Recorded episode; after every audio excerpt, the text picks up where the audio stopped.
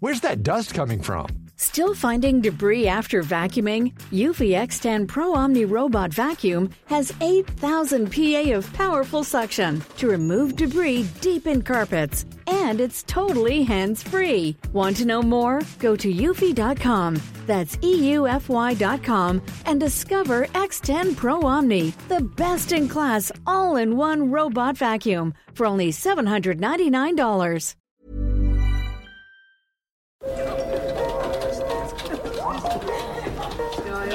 Dette er lyden av norsk næringsliv. Akkurat nå tas det små og store valg som kan bli avgjørende for fremtiden. Med økonomisystemet X-Ledger tas disse beslutningene basert på informasjon i samtid, slik at drømmer og ambisjoner kan bli virkelighet. Få kontroll og oversikt, gå inn på xledger.no. Denne sendingen er sponset av Xleger.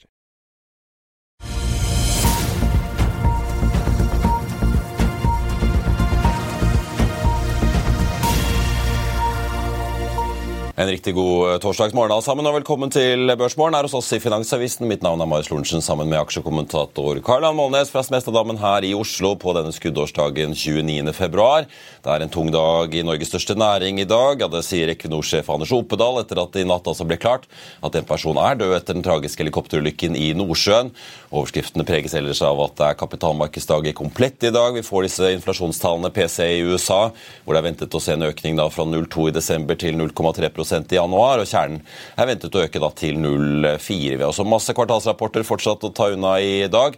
Selskaper som Manfjord Salmon, BVLPG, Davin, Techstars, Wow, Frontline, Subsea 7, Explora, Magnora, Adevinta og Solstad får vi også etter stengetid der på kalenderen i dag.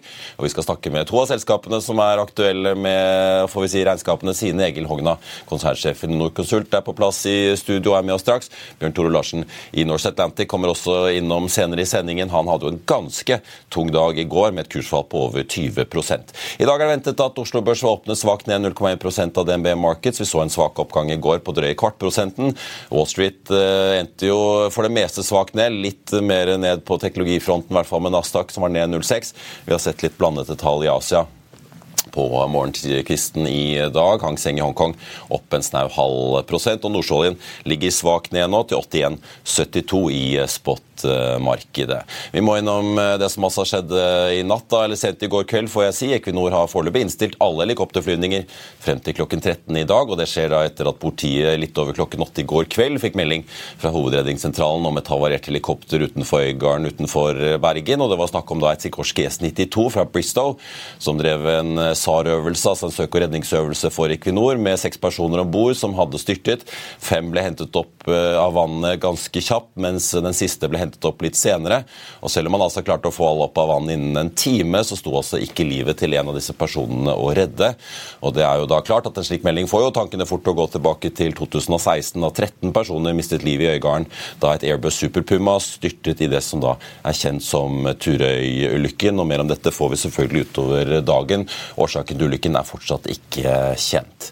God morgen, Karl Johan. Fra tragedien i Nordsjøen må vi hoppe rett over på de mange nyhetene vi har fått fra selskapene på børsen i dag også, både fra Komplett og Subsea 7. Jeg vet ikke hvem av, du, hvem av de du vil begynne med? Ta Subsea 7 først, fordi at det er jo et veldig populært selskap. Der er utrolig mange kjøpsanbefalinger og veldig få holdanbefalinger.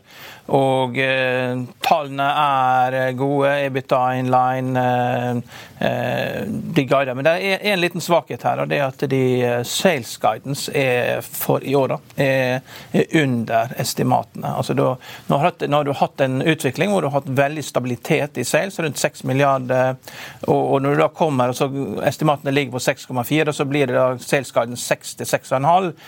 Så hvor viktig dette her er, det får vi vite når de har conference call klokken 12 norsk tid. da. Men alle er liksom på ene siden av båten. Og vi vet jo at de driver jo med havvind. De driver jo en del med vindkraft. Og, og det er jo mulig at det er at det, det, kan gå verre enn man tror da, på kort sikt. og Når alle da har vært positive og bare fulgt med en ordrebuksa steget og steget, og så plutselig så kan det komme en, en kontramelding her, så, så, kan det ende den aksjen eh, Man må være obs på at her kan det skje noe med aksjekursen. fordi at det er noen som er veldig godt informert, og så ser de dette her, de som kan selskapet, så sier de oi, dette her var ikke helt som planlagt. Og det som avgjør det, hvis de da selger, så er det en dårlig resultat. og Hvis de, hvis de ikke gjør det, så kan det hende at de kommer gjennom det for at de har så høy ordrebok at det, det er ikke noe stort problem. Men det er alltid et problem hvis du, et selskap som ikke har tjent penger, som lover de skal tjene penger i framtida, og så skal man kanskje utsette det enda et år, selv om at guidance ser eh, relativt OK ut. Det må, det må liksom komme til bunnlinja, og det har ikke det gjort i altfor stor grad. og En av de viktigste grunnene til å få til det, er at salget øker. Det er ikke nok at bare ordrebøkene øker, og at guidance er eh, høy på EBIT. Noe av diskusjonen rundt Subsea 7 har vært at det virker som de ikke har klart å overbevise markedet om hvor bra det går, men eh, det har jo vært en voldsom oppgang etter oljebremsen. De prøvde seg med dette Seaway 7 på børs, tok det tilbake igjen. Ja. Det funket jo ikke, men hvis du ser liksom på tallene De hadde jo rett under 6 milliarder omsetning i fjor, guider nå 6 til 6,5, ja. men estimatene som du påpekte, var vel på 6,4? Nei, 6,4. Ja, eller 6,4, ja. Så Det er mulig at det ikke blir noen topplinjevekst, men marginene skal jo kraftig opp. De, altså nå snakker de om 18-20% justert EBITDA-margin. De var 11-12 i fjor og i forfjor. Jo, men hvis du ikke klarer å øke salget ditt, så er det veldig vanskelig å øke marginene. Mm.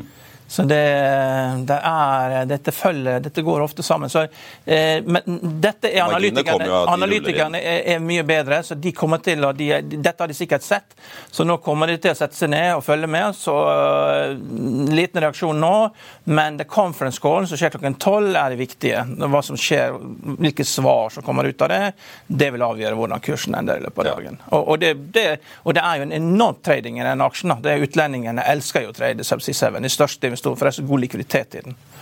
Og Den svinger jo uansett. altså Man må jo bare være forberedt på svingninger uansett. Den går jo på det som en jojo, den aksjen. så. De hadde jo altså en ordreinngang i fjor på 7,4 milliarder dollar. Ordreboken endte på 10,6. Book to bill 1,2. Hvis du helt til skyver på ting, hvis du helt til skyver på disse ordrebøkene, du aldri tjener penger. Det, da blir det det man kaller en jam tomorrow-story. Og da sier de I want jam today, I don't want jam tomorrow. Skal uh, følge med hvordan det går. Conference call uh, klokken tolv, i hvert fall. Vi må oss innom varehandelen og Komplett. Jan Ivar Semlitsch kommer jo hit til oss i Økonominyhetene i ettermiddag. Uh, Kapitalmarkedsdagen sparkes vel i gang akkurat i det vi snakker her. Holder på frem til klokken tolv. Hva skal vi si om det, da? Det virker som de har ganske hårete både margin- og vekstmål i netthandelsgiganten fra Sandefjord? Ja, det er jo sånn at det er dårlige tall for i år. Minus 272 millioner. Liksom. Det er jo, men, men det er fortsatt godt håp. og Kursen har jo bunnet, har vært mye lavere enn det er nå. og Kurs 1060 i går, to kjøp og tre holdanbefalinger. Eh, men, men, igjen, da, det er jo et selskap som skal innfri forventninger til Estimatene ligger på samme nivå som i 2022. Og blir 2024 like bra som 2022? Eh, Jeg vet ikke. Er det sannsynlig? Og da har du PE på 14. Ja. Igjen da, mm, Det er hva som blir sagt på kapitalmarkedsdagen som avgjør. da. Kursmålene spriker jo voldsomt fra 10 til 16 her, så her er juryen ute. Og man må regne med at den aksjen her også vil svinge i løpet av dagen. Ja. Ja, for altså EBIT-marginen den var på 0,9% i fjor. De lover altså 3,4 fra 26 til 28. Omsetningen i fjor på snaue 16 den skal opp til 18 til 20. Ja, men det er litt tidlig å begynne å snakke om 26-28 når du skal gjennom 2024 med høye renter og ja. nok et år med mm, Her er det forventa at tallene skal være like gode som 2022. Mm.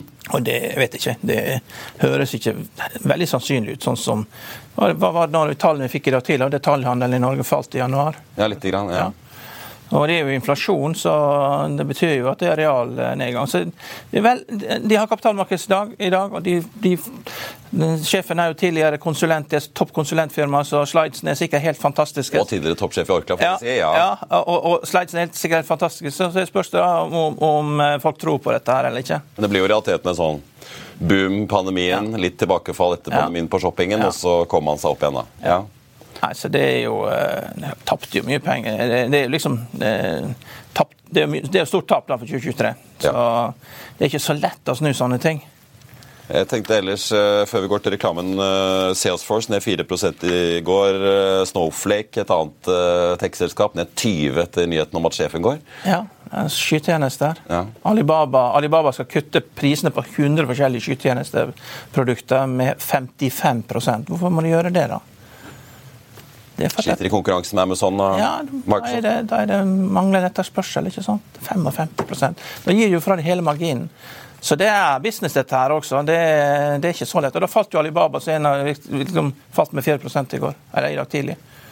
Så mm, det er ikke så lett å Det er, det er lett å liksom tro man kan sveve på skyene og alt er lett, men man skal tjene penger der også. Det er noe med det. Ja. Vi har eh, masse flere kvartalstall å ta unna, Karl Johan, og vi skal ta inn noen gjester også. Jeg tenkte bare å nevne Frontline er ute med sine tall i dag. Leverer et resultat som ventet på 138 millioner dollar, ned fra 245 på samme tid året før. Utbyttet blir på 30 dollar cent, 37 dollar cent per eh, aksje mot uh, ventet 30 94. Sidril også ute med sine tall. Driftsresultatet der endte på 52 millioner dollar, ned fra 117 i tredje kvartal. Ordreboken er på nesten 3 milliarder dollar, og ledelsen sier at 2024 vil bli sitat, et overgangsår og vil by på utfordringer, skal vi tro da konsernsjefen i riggselskapet. Rekordresultat er det fra BVLPG i dag, likevel litt under det analytikerne hadde ventet på, så forventningene har åpenbart vært eh, høye. Det er gode tider i gassfrakten, bl.a. Eh, får vi si, takket være Panama-kanalen. Mer om at det nesten ble også en halv milliard dollar i utbytter i fjor på BVLPG-aksjonærene.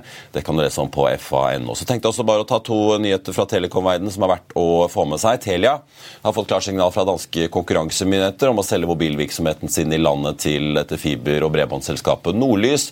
Så nå regner de med å lande dette salget i starten av april. Så får vi se da om Telenor får gjort noe med sin danske virksomhet etter at EU kanskje ser ut til å åpne litt for konsolidering i Eh, mobilbransjen. Ellers så har Kinnevik i Sverige denne uken solgt unna sin del i Tele2 for 13 milliarder svenske kroner til franske Iliad, som vi jo har sett eh, kjøpe opp relativt mange posisjoner rundt i europeisk eh, telekom. På Oslo Børs nå så er hovedindeksen ned en kvart prosent fra start. Komplett stiger over 8% i de første minuttene på meldingen fra kapitalmarkedsdagen. Så får vi se hvordan det går utover der. Subsea 7 stiger litt over 4% på sin rapport. Frontline faller snaue 4. PVLPG litt eh, ned over 8 eh, og så er det og så får vi da ta med Sidril, som også sliter litt, ned snaue 6% Vi er tilbake med Egil Hogna rett etter dette. Vil du bli oppdatert på det viktigste som har skjedd innen finans og næringsliv? Da er det bare å følge med, for hver morgen er jeg, Marius Lorentzen og aksjekommentator Karl Johan Malnes på plass i studio for å ta tempen på dagens marked i Børsmorgen. Og hver ettermiddag oppsummerer vi alt du trenger å vite i økonominyhetene, og det blir selvfølgelig masse interessante gjester. Klikk deg inn på fa.no-tv, eller søk opp Børsmorgen og Økonominyhetene der du hører på podkast.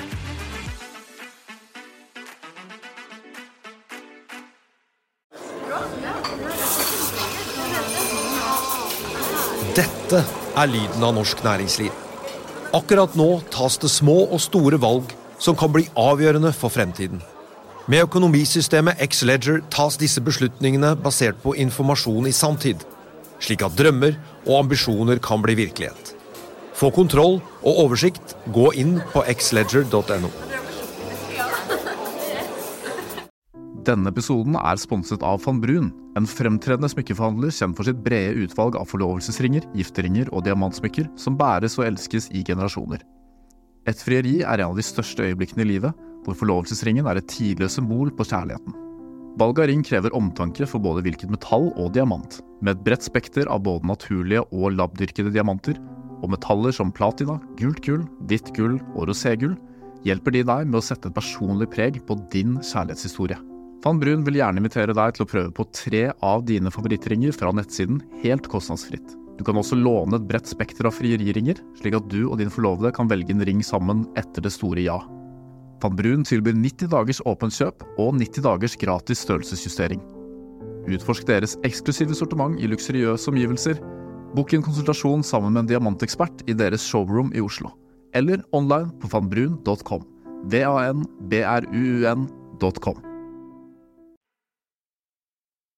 Da skal vi til eh, dagens første gjest, som i disse dager er ute med sin første kvartalsrapport som børsnotert eh, selskap. og Aksjene åpnet jo på 19 kroner den 10. november og endte i går på 27,40. Så det er vel ikke så verst. Egil Hogna, konsernsjef i Norconsult, velkommen til oss. Tusen takk for det. Og velkommen tilbake, får jeg si. Ja, Takk for det. Det er hyggelig å fremdeles bli invitert. Du har jo erfaring fra å drive børsnoterte selskaper, men hvordan har det vært eh, de første ukene og månedene med Norconsult på børs? Du, Den eh, første måneden eh, var vel litt traurig. Da var det ikke så mye som skjedde kursmessig, men så opplevde vi rett før jul at det ble en solid interesse da analytikerne kom ut med sine rapporter. Og siden det så har det fortsatt med god omsetning i aksjen, som er veldig viktig for oss. og jo en hyggelig kursutvikling. Så... Som vi snakket om sist, Det er mange ansatte som eh, fortsatt eier eh, aksjer i selskapet? Det er det. Ca. 70% av selskapet er eh, eid av de ansatte. og Det var jo nesten 700 som kjøpte aksjer for første gang i forbindelse med børsnoteringen. Du, jeg tenkte jeg skulle høre litt, fordi at du, gitt bakgrunnen din, du har jo jobbet i industri før og vært i bl.a. Yara og har jo reist rundt og møtt investorer. Eh, nå skjønner jeg du har vært i det siste bl.a. Eh, på kontinentet og i Paris. Hva slags interesse er det Norconsult får, og hva slags investorer er det som enten har begynt å investere eller sitter og tenker på, eller kanskje dere er interessert i å få fisket inn? Ja, eh, I eh, forrige uke så hadde vi jo investormøte både i Oslo, London og Paris. Og eh, det er en rekke av de hva skal du si, samme investeringsselskapene som jeg kjenner fra jeg jobbet i industrien, som er interessert i Norconsult også. Men det er også noen hva skal du si, spesialistfond som er særlig interessert i mindre selskaper, som, som vi møter nå. Og akkurat dem var det særlig mange av i Paris, faktisk. Men er det fordi ja, altså størrelsen på selskapet som er avgjørende for dem, eller er det konsulentingeniørdelen og en nordisk eksponering du er interessert i? Altså, både de store øh, fondene og forsikringsselskapene og pensjonsfondene har øh, enkelte fond som er spesialister på små selskaper. Men så er det også noen som har et særlig fokus på Norden, øh, og noen få som har på særlig det de kaller konsulentbransjen, men som vi også er en del av da, som tekniske rådgivere. Mm.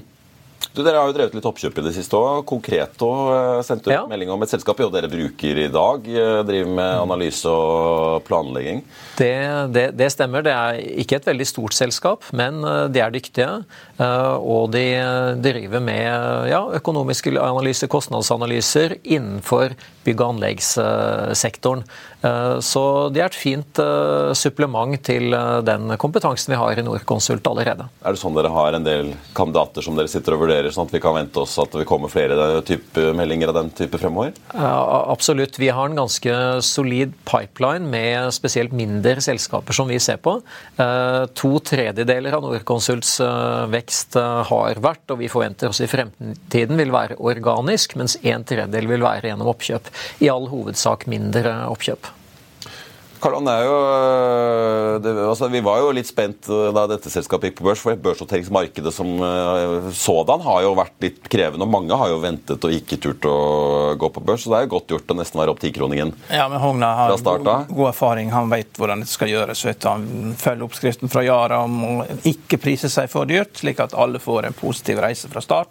Og Da blir alle glad i aksjen, og det varer veldig lenge. Så det er jo, Da har man liksom skaffet seg en vaksine mot tilbakeslag. da. Ja. Men hvordan er det Er dere tett på analytikerne, de som har kommet ut med sånn at det, de estimatene som ligger der, man kan stole på at det, det Hvor mye lar dere analytikerne avvike fra det dere sjøl tror på budsjettene? Liksom? Hvordan, hvordan gjør dere det arbeidet? I forbindelse med børsnoterings... Eh, etterpå. Ja, etterpå, ja. ja. ja. etterpå så er det jo kvartalsoppdateringene. Eh, og analytikerne følger oss jo på presentasjonene. De stiller spørsmål, ja. og de får forhåpentligvis gode svar på, på, spørsmålene sine. Men jeg vil ikke si at vi har en veldig tett oppfølging av dem. Men vi setter pris på analytikerne og prøver å ja, gi dem all den informasjonen vi kan gi, så lenge vi gir gir samme informasjon til, til, dem som til markedet. Det er enorm sesongsvingning i inntektene, da, siden at dere lever før timelister. ikke sant? Så tredje kvartal er jo alltid mye svakere. Og Jeg håper analytikerne blir klar, er klar over det til du kommer til tredje kvartal. Men du må iallfall sørge for at de er klar over det. Og, og, og, nå i forbindelse med altså første og andre kvartal så er det alltid viktig hvilken side påsken faller på.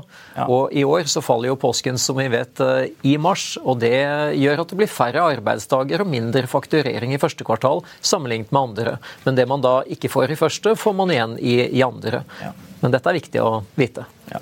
Dere hadde jo ganske pen uh, vekst i fjor, men nå var jo regnskapene i forbindelse med børsnoteringen de blir jo litt uh, forskjøvet av en del enkeltposter. For det gikk jo med nesten 80 millioner til selve børsnoteringen, og så var det jo et mm. ekstraordinært utbytte på en drøye altså nesten 600 millioner i oktober. Eh, men litt fremover, altså Hvor mye kontanter regner dere med å liksom generere og kunne utbetale i utbytte til ja, da både implisitt, både eksterne og interne, gitt at det er så mange ansatte som også eier aksjer? Ja, eh, I, I, fjor så vokste vi jo 13% hvorav 10% var organisk. og Hvis du ser på de siste ti årene, så har vi jo ligget omtrent på det nivået. Eh, hvordan veksten blir i 2024, det, det gjenstår å se. Vi forventer å vokse. Vi forventer å vokse litt mer enn markedet. men å si akkurat hvor mye markedet kommer til å vokse, det er noe som er vanskelig. Eh, I fjor så hadde vi en eh, cashflow fra driften på litt over 900 millioner kroner.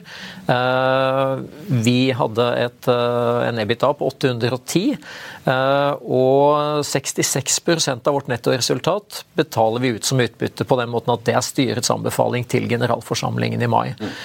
Så det gir da et utbytte på 1,2 kroner per aksje som eh, ja, tilsvarer en meget god høyrentekonto eh, i, i dag. Ja. Vi, må, vi må jo høre litt til slutt uh, også litt om, om, hva dere ser skje i markedet. for du sier jo Det det er jo litt vanskelig å sette en fast prosent, men dere sier jo at det er relativt stabilt i de fleste markedene. Og så sier dere at dere ser faktisk litt lystegn innenfor bygg og arkitektur. Ja, vi, Hva er det dere liksom uh, ser? Er det, er det, noen som faktisk har turt å begynne å tenke på, på nybygg og sånn i dagens uh, byggenæring? Ja, så uh, altså vi, vi, har jo Eh, infrastruktur, energi og industri og bygg og arkitektur. Eh, og bygg og arkitektur er jo egentlig det eneste markedet der vi opplever at eh, det har vært litt svakere i fjerde kvartal. Og det henger jo sammen med særlig de høye rentene og det private markedet som sliter. Det som har skjedd nå i begynnelsen av 2024, er at det kommer opp noen nye prosjekter. Det snakkes mer om å sette i gang ting. Men eh, vi er litt forsiktige i vår uttalelse, fordi det, gjenstår å se i hvilken grad dette materialiserer seg eh, til eh, konkrete nye prosjekter. Men det stemmer at vi har sett en del lyspunkter i starten av første kvartal. Men Er det på tvers av Norden, eller er det en av landene, eller er det noen ja, jeg, jeg, vil si at det er det samme bildet i de tre skandinaviske landene som er de viktigste for oss. Eh, men, men fremdeles så ligger jo bygg og arkitektur på et lavere nivå enn det vi gjerne skulle ha sett. Ja. Eh, men hvis du da ser på energi og industri, som gjør det bra og infrastruktur stabilt, så betyr det i sum, som du sa, eh, et ganske stabilt marked. Men hvem, Hva slags type aktører er det dere ser da tørre å begynne å tenke i de baner at man kanskje skal bygge nytt? Er det, er det innenfor liksom næringseiendom? Er det bolig? Er det Ja, det er nok litt mer på næring ja. enn en bolig. Eh, men, men, jeg tenker på de private aktørene fordi de offentlige aktørene har vært ganske stabile. Eh, men jeg må jo si det at vi, vi ser også det at en del kommuner også er litt påvirket av rentenivået nå. Så, så, det er helt klart eh, litt tøffere der ute fremdeles. Det er det. Du fortalte du nettopp vært i Sverige, og, mm. og du sier det er stor aktivitet der. og har Sverige gått inn i Nato, det skal bygges en god del forsvarsinstallasjoner mm. og utstyr og bygg, får det noen andel av det markedet, eller er det forbeholdt svenske bedrifter? Ja, det, vi får en del av det. Det, det. det, gjør vi faktisk uh, i Sverige og Danmark og Norge. Uh, så uh, vi har sikkerhetsklarerte lokale medarbeidere som jobber med denne typen prosjekter. Og vi ser, ser, at dette skjer nå, ikke bare oppe i nord, men, men også lenger sør, bl.a. i Sverige, hvor jeg var nå Men. Vil dere bli da påkrevd å starte selskaper sammen med svenske selskaper der dere eier eh, mindre enn 50 slik at folk ikke ser inntektene av det dere holder på med den aktiviteten, eller, er det, eller kan dere ta inntektene og fortelle hva dere holder på med? Eh, vi kan ta de, de, inntektene gjennom våre hva skal si, normale svenske datterselskaper. Det, det, det kan vi. Ja. Så, mm hatt er innenfor Nato-familien, dette da. Men det er jo de voldsomme oppgangene i forsvarsbudsjettene. Vi så jo svenskene skulle vel opp på hva var det de sa? 2,7 eller 3,7% av BNP i år. Så der investeres det jo mye. Men det skal det gjøres i Norge òg, så det drypper jo litt på dere òg, da. Ja. Det er jo flott at vi har digitalisert og slipper å gå ned til Sverige med sånn tre hull i ringpermen. ikke sant? og så vet jeg ikke om, eh, holdt jeg på å si, Google i Skien det er jo mange som investerer tungt om dagen. Eh, jeg vet ikke om typer som datasenter og den type prosjekter også gir aktivitet og vekst for dere? Ja, vi, vi, jobber med datasentre også, det gjør vi. vi. vi. regner det som en del av industrien. Uh, og, og, så, så, det er klart at uh, energimarkedet og konsekvensen av utbygging av energi for industri, det er noe av det uh, som fremdeles gir en vekst i norsk økonomi, når andre deler av si, byggsektoren sliter litt mer. Egil Logna i Nordkonsult, jeg er helt sikker på at du klarer å sysselsette alle de skarpe hodene i selskapet. Så får vi se hvordan det går med bygg og anlegg. Men er interessant å se at det er noen som tør å begynne å tenke litt eh, nybygg igjen. Takk for besøket.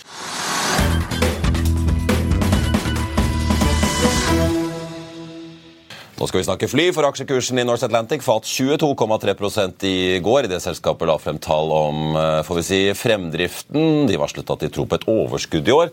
Og samtidig som vi alle altså venter på hva som kan skje med selskapet, gitt at det snakkes om potensielle friere som har banket eh, på døren. Velkommen til oss, Bjørn Tore Larsen, eh, både toppsjef, gründer og storeier i Norse Atlantic. Tusen takk. Skal vi begynne med kanskje kursfallet? Det er jo mye av aksjonærverdiene som har blitt borte nå siden dere satte i gang, inkludert dine egne, for du har satt mye av egne penger på spillet. Har vært med i emisjoner og Nei, ja, ja, nei, det, er, det er masse Du har ikke trukket deg av bordet, som vi har sett tidligere noen uh, gründere gjøre. Er det, hvordan føles det? Nei, Det er aldri gøy når kursen går ned, da, men aksjemarkedet har jo egentlig alltid rett ja. på lang sikt. Men det tar jo veldig ofte feil på kort sikt. Mm. Og jeg personlig har veldig tro på det. Jeg har alltid sagt at jeg anbefaler ingen å kjøpe flyaksjer hvis de gjør det for å trygge pensjonen, for det er en veldig risikabel bransje å være i. Og, og, og, og, samtidig så vet vi at det er stor oppside, ikke sant? og jeg har kjempetro på det. Minst like stor tro på det, og enda større tro på når kursen, når aksjen blir enda billigere. Men igjen, dette er en volatil bransje, og, jeg har alltid uh, vært åpen på at det er risiko i denne, i denne bransjen vi er i nå. Men Fortell litt om, om, dette året her. da, for Hvis vi ser på fjoråret, dere fraktet en million passasjerer, 4000 flighter, første fulle driftsår. Ja. Åpenbart så går man jo i minus i starten. Det er mye som skal på plass. Og... Første fulle driftsår, men ikke ikke, full, ikke første år i full drift, fordi i fjor så Vi har jo to flyselskaper, ett i UK og ett ja. i Norge. Og I fjor så starta vi det i UK, så det er jo egentlig bare et halvt år med full drift eh, for begge selskapene. Ja, fordi at dere nå sier at dere regner med å kunne se plusstegn. For dere leverte jo i fjor det første kvartalet hvor man så tegn ja, at dette kan gå med overskudd. Det gjorde vi, og det, og det tror vi gjorde også. At, ja, at, nå sier dere og snakker dere om året, og da begynner man jo å nå et vippepunkt hvis dere klarer det.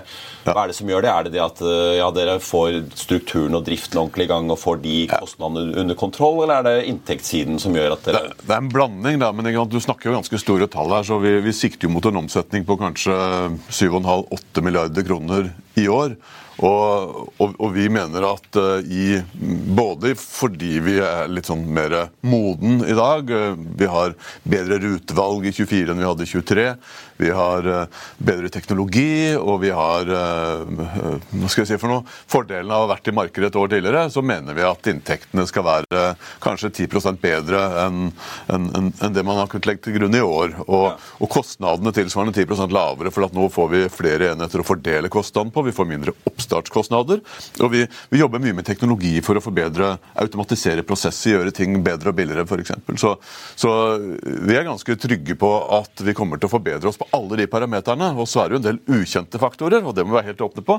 Oljepris er en av de. Vi har eh, kanskje et par milliarder kroner vi skal bruke i, i, i fuel i år. Og, og, prisen på olje kan gå opp og ned. og vi er, vi er selvfølgelig avhengig av at den ikke går altfor høyt opp hvis vi skal levere overskudd. Men vi har veldig tro på at vi greier overskudd i år. Men jeg så jo driften trakk jo altså, Hva blir det da? I 2022 så trakk den ut nesten 70 millioner dollar. I fjor hadde dere fått cashburn ned på 20 millioner dollar på drift. da. Ja. Hvor mye må dere generere på driften for å klare å dekke alt av kapitalkostnader og nødvendig vedlikehold på flåten? og Ja, altså Vedlikeholdet er jo, der, der setter vi av penger underveis. Så, så vi utgiftsfører jo veldig mye av vedlikehold som fortsatt ikke nødvendigvis er foretatt. Eller vi betaler inn, for vi betaler f.eks. inn til Boeing og Ja, ja. Rolls-Royce. Så må denne avsetninger. generere 50 millioner dollar liksom i året, 100 på drift for at dette skal gå rundt, og at dere skal klare å nå det overskuddsmålet? Nei, altså vi, vi, vi, vi må nok generere kanskje type 50 millioner dollar for å gjøre det, men, men det tror vi vi kommer til å gjøre. Altså, Vi har ikke, vi har ikke akkurat det tallet foran meg nå i forhold til spørsmålet der. Nei, Men uh, vi, vi har jo ikke en, en kapitalstruktur som er så veldig vanskelig. Vi betaler leases, og så har vi da en del utgiftsføring av leases som, eh, som vi faktisk ikke har cash ut på, eh, men som, som vi da igjen kommer til å nyte godt av når leaseperioden eh, eh, strekkes ut i tid. ikke sant? Ja. Jeg er veldig interessert i å høre hvilke avveininger dere gjør nå. fordi Vi har sett en del meldinger om Dere har jo forlenget eh, fire av disse videreleiene til Europa. Tre av de går helt til neste år. Den ene Ja. går til sommeren, så vidt så dere får med Ja. selv sommersesongen. Eh, og så har dere også annonsert et eh, hva skal vi si, wetlease-utleie hvor dere stiller med fly og mannskap og alt, Ja. antar jeg på en fastpris til eh, Airpeace i, i Nigeria. Skal fly London Lagos. Ja. Jeg vet ikke om det er oljearbeidere eller hva det er, men, eh, men fortell litt om avveiningen. For da antar jeg jo dere sitter på den siden med muligheten for å få en fast, forutsigbar inntekt. Som Ja. dere jo sier også, charterinntekten ble mye bedre i år enn i fjor. Ja. Eh, versus det å kommersielt selge egne billetter og kunne bygge på en måte Norse-brandet i jeg antar det er særlig det amerikanske markedet som er viktig for dere. Ja. Fortell litt om den avveiningen. da, fordi du... Ja, nei, altså, vi, vi vil jo gjerne ha alle 15 flya i egen operasjon, men det er om å gjøre ikke vokse for fort. Så når vi da går fra 10 til 12 fly i år, så vokser vi med 20% som er betydelig vekst. Og når vi tar inn de tre siste neste år, så vokser vi med 20% til. Også, også en betydelig vekst. Og det syns vi er en sånn passe vekstrate. For hadde vi tatt alle fem inn nå, 50% vekst i år, så hadde det fort kunne kosta mye penger og kanskje vært litt mye kapasitet for oss å sette inn på en gang. Så vi, vi velger å gå litt forsiktig. Og så er det jo det at vi tjener godt med penger da, på de flyene vi leaser ut også til, eh, til en tredjepart. Ja, For det er en forutsigbarhet der. ikke sant? det er, det er en forutsigbarhet. Og, og, og, og så ser vi at sommeren for oss er egentlig ganske bra. Vi tjener godt med penger om sommeren, og vinteren er, er, er mer krevende. og Det er jo sånn typisk for flyselskaper. Men vi ser allikevel at salget vårt i år er mye høyere enn det var på samme tid eh, i fjor. Ca. 80% hvis du skal se mål, målt i dollarverdi. Ca. 80 eh, høyere salg i år så langt i år enn det vi hadde i fjor. og Det er, jo mye mer enn de 20 vi øker i, i produksjon. Eh, og vi ser også at eh, antall billetter vi selger er, er rekordhøyt. Februar så langt ligger an til å bli den beste måneden i antall billetter per dag. Eh, Da slår vi den som, er, som så langt har vært best, som var juli i fjor. Så vi har, vi har veldig god momentum på salg av billetter. Og så har vi et uhyre populært produkt for de som ønsker å leie fly. For det er moderne eh, drivstofføkonomiske fly som er eh, Tar mange passasjerer. Som tar mange passasjerer. Eh, og, og, og vi har gjort mange kontrakter i år, og vi har gjort kontrakter som begynner å gjelde for neste vinter. Så, så, så, så dette er en, en, en sånn viktig hybrid for oss da, om, om vinteren å, få den blandingen av charterut og egenproduksjon. Men Når jeg ser på tallene her, så hadde dere 1 milliard i inntekt i 2022 og 4,6 milliard i 2023. Begge de to årene så tapte dere 1,7 milliard og 1,8 milliard. Og Nå ser du inntektene skal opp til 7,5 til 8 milliard. Ja. Det er ikke sånn at vi nok en gang får 2 milliard kroner i tap for at dere driver og bygger business her. Det, det, det, ja. nå, nå skal du begynne å tjene penger, ikke Ja, sant? det er, altså, Nå skal vi tjene penger. Altså, Ja. Første kvartal der kommer vi ikke til å tjene penger. og Det, det, ligger, ingen, nei, det ligger i kvartalets natur. Men, men resten av året så skal vi tjene penger. Og, og året under ett så er målet å tjene penger. Så nå har dette skalert. Nå sitter dette her. Ja, nå er vi jo, nå er vi jo egentlig, vi skal fortsatt inn med, inn med to fly til, og det er ca. 20% ekstra produksjon. Men på den annen side så, så kan vi gjøre det uten å ansette noe særlig flere folk. Vi kan, vi kan gjøre det uten at vi skal gjøre noen flere investeringer i stort format. Eh, Så hvis markedet fortsetter som det er nå, med, med tanke på billettsalg, med tanke på eh, at hva skal si, for noen eksterne faktorer ikke slår hardt inn, så er vi eh, ganske sikre på at vi kommer til å levere et pluss i år. Valutaen i Nigeria har jo stupt jo i juni. ikke sant? Og Likevel så, så velger dere å gå inn i lease med et nigeriansk selskap. Hvorfor det? Hva er, hva er årsaken til at dere har valgt dette her oppi alle andre alternativer dere har? Ja, det er, det er et godt spørsmål. det. Da, men okay. Dere snakker jo om at dere vurderer mer samarbeid med Ja, nå, Airpeace. Nå, nå skal man huske det at For det første så er Nigeria Afrikas, Afrikas største land flere, med flere hundre millioner mennesker. Air Peace er det største flyselskapet i Nigeria. Eh, vi, eh, vi, liket, og, og, og, og, vi betrakter de som en, som en, god kunde, og vi har eh, gode referanser fra andre som har jobba med det samme selskapet. Så det er et solid selskap.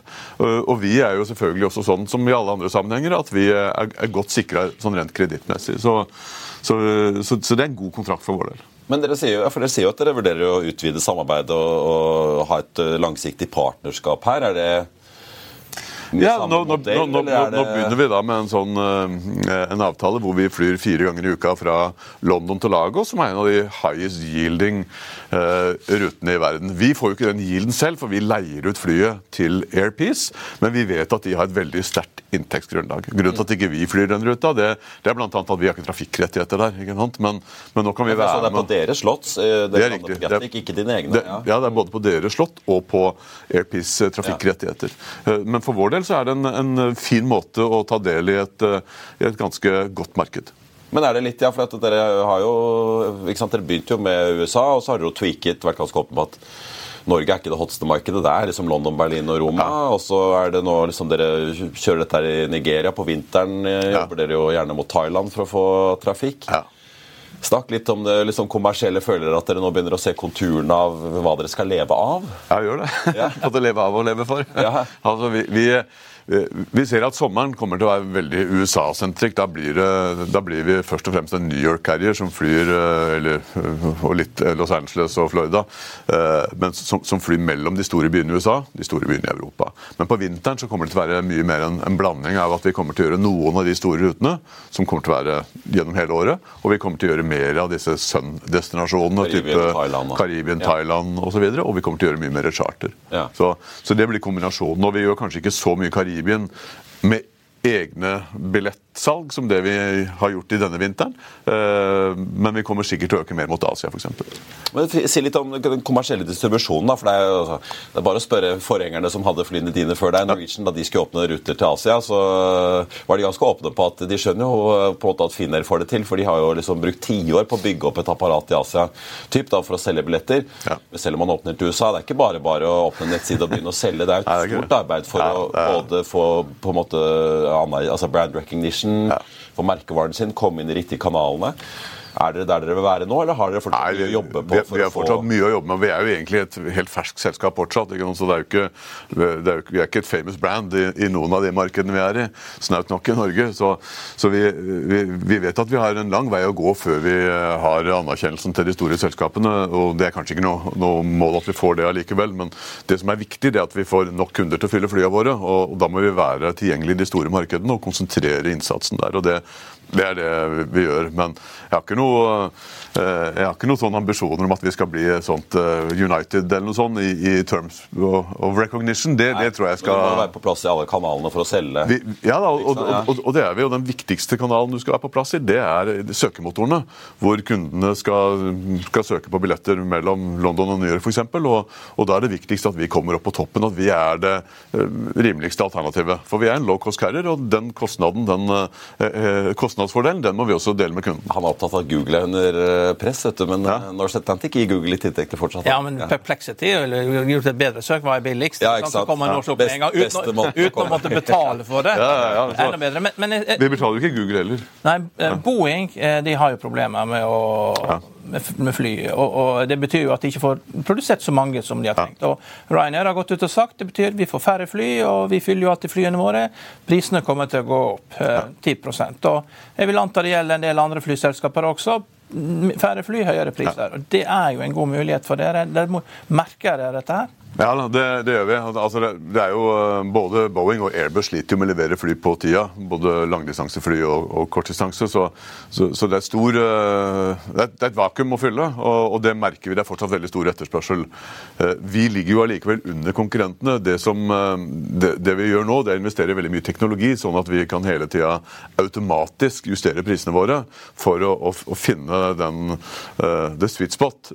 Vi, ikke, vi kan ikke legge oss altfor langt ned. for da legger vi igjen penger på bordet. Og vi kan ikke uh, sikte for høyt, for da får vi ikke solgt noen billetter.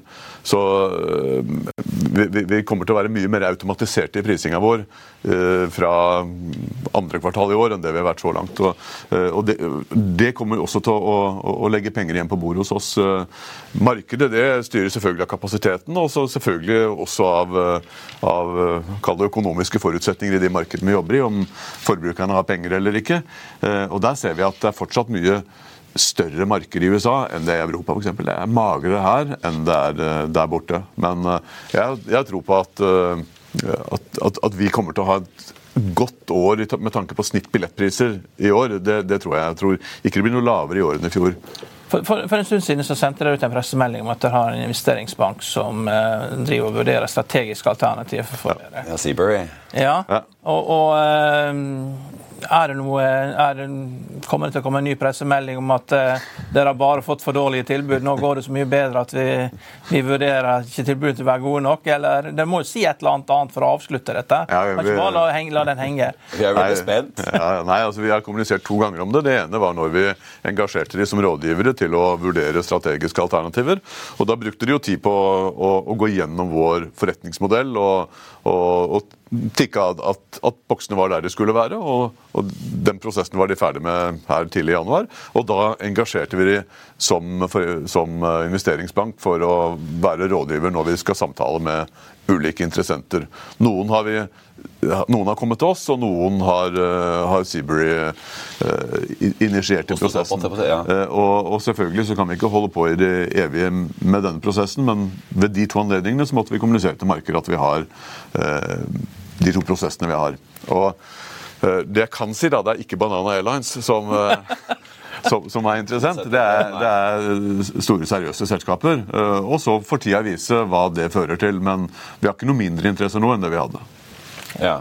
Men er det fortsatt åpent om Norse overlever og fortsetter, men kanskje får inn en ny eier, eller om dere blir kjøpt opp? At vi overlever, er jeg ganske sikker på. Ja. Men, eh, men, jo, men altså, men om, om, dere blir kjøpt opp og blir del av et eller annet stort konsern, eller? Ja, altså, Jeg kan ikke si så mye mer om det akkurat nå. Jeg skulle gjerne gjort det, men jeg, jeg har ikke anledning til å gå i detaljer. Har dere noen idé om når man kan forvente en avklaring, i det minste? For det henger jo over selskapet. Ja, da, vi, det er også spenning ja, hva skal skje med Norse. Ja, da, vi, vi, vi, kan ikke holde på i evigheter, men vi må likevel bruke den tida det tar. For det, jo, det ene er å bli enige om eh, eventuelt investeringer, pris osv. Det er den enkle delen. Men eh, så er det mange flere sånne kommersielle eh, avtaler som skal gjøres parallelt, og det er jo det som tar tid. Jeg må spørre til slutt, uh, gitt på en måte den prosessen som vi jo vet pågår, og så får vi jo se når det kommer en avklaring på det, men dere kjørte jo en emisjon da du var her sist, ikke sant? i fjor høst fikk vel inn 55 millioner dollar totalt. Uh, samlet for året fikk dere inn nesten 70 i frisk uh, kapital, men dere endte jo også året med 55 millioner dollar i, mm. kontanter, som jo betyr at hadde dere ikke kjørt det, hadde jo kassen vært tom. Mm. nå sier dere jo at dere tror dere skal gå med overskudd, og det er jo et ganske viktig knekkpunkt, men ja. Kommer det den konverteringen kommer den fort nok til at dere nå klarer dere finansielt med det dere har på bok, eller kan det være behov for, for påfyll i en eller annen form, enten i form av egenkapital eller lån, for å likevel komme dere til det punktet hvor eh, kontantstrømmen er stor nok til å holde hjulene i gang? Nå, nå, ser vi jo veldig lyst på det fordi vi går inn i sommerhalvåret. Sommerhalvåret er der vi genererer cash og, og Eh, og, og, hvor bankkontoen øker. Så jeg kan ikke uansett gi noe sånn 100% svar for hva fremtida bringer, eh, enten år eller, eller seinere år. Men, eh, men, vår plan, og sånn alt ligger an nå, så, så, basert på det vi vet nå, så ligger vi godt i, i rute til å klare oss uten ytterligere kapitalinnhenting. Det kan jeg si. Det er ikke sånn at kortselskapene med holdbacks skviser så hardt at det vil være et likviditetsbehov Nei, det, det, det, er jo ting vi ikke vi kan styre nødvendigvis, men det er ingen signaler på det. Nei. Det kan jeg si. Bjørn Tore Larsen, det blir veldig spennende å se Vi skal i hvert fall følge med Carl Han ja. uh, på meldingene som tikker inn fra North Atlantic. Uh, lykke til med både sommersesong og flyvninger til uh, både HTPT vestover og sørover på Globen fra London og Oslo. Tusen takk. jeg tenkte bare å nevne på tampen av sendingen at Komplett gjør det fortsatt ganske bra, selv om det har roet seg litt da nå som selskapet er i gang med kapitalmarkedsdagen. Opp nesten 4 North Atlantic ned et par prosent til i dag. Nordkonsult, som vi snakket med også tidligere i dag, opp 1,2. Og så har vi Subsea 7 da, opp 4,3% på kvartalsrapporten derfra, hvor det både loves om mer utbytter, og hvor også vi får se da om det blir noen vekst i topplinjen eller ikke i år. Marginen er i hvert fall lovet å øke. Hovedveksten ned 0,1% med en oljepris som ligger på 81,8 80. Det var børsmålen for denne torsdag 29. februar. Husk å få med deg Økonominyhetene 14.30. Da kommer konsernsjefen i Komplett Jan Ivar Semlic til studio. I mellomtiden så får du siste nytt på F1, inkludert alle de andre kvartalsrapportene som har kommet i dag. Ha en riktig god torsdag alle sammen. Vi ses.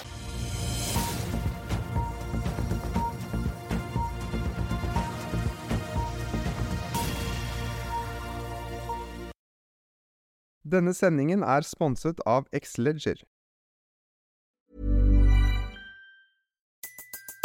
Everybody in your crew identifies as either Big Mac Burger, McNuggets, or McCrispy Sandwich. But you're the filet fish Sandwich all day. That crispy fish, that savory tartar sauce, that melty cheese, that pillowy bun. Yeah, you get it. Every time. And if you love the filet of fish, right now you can catch two of the classics you love for just $6. Limited time only. Price and participation may vary. Cannot be combined with any other offer. Single item at regular price. Ba da ba ba ba.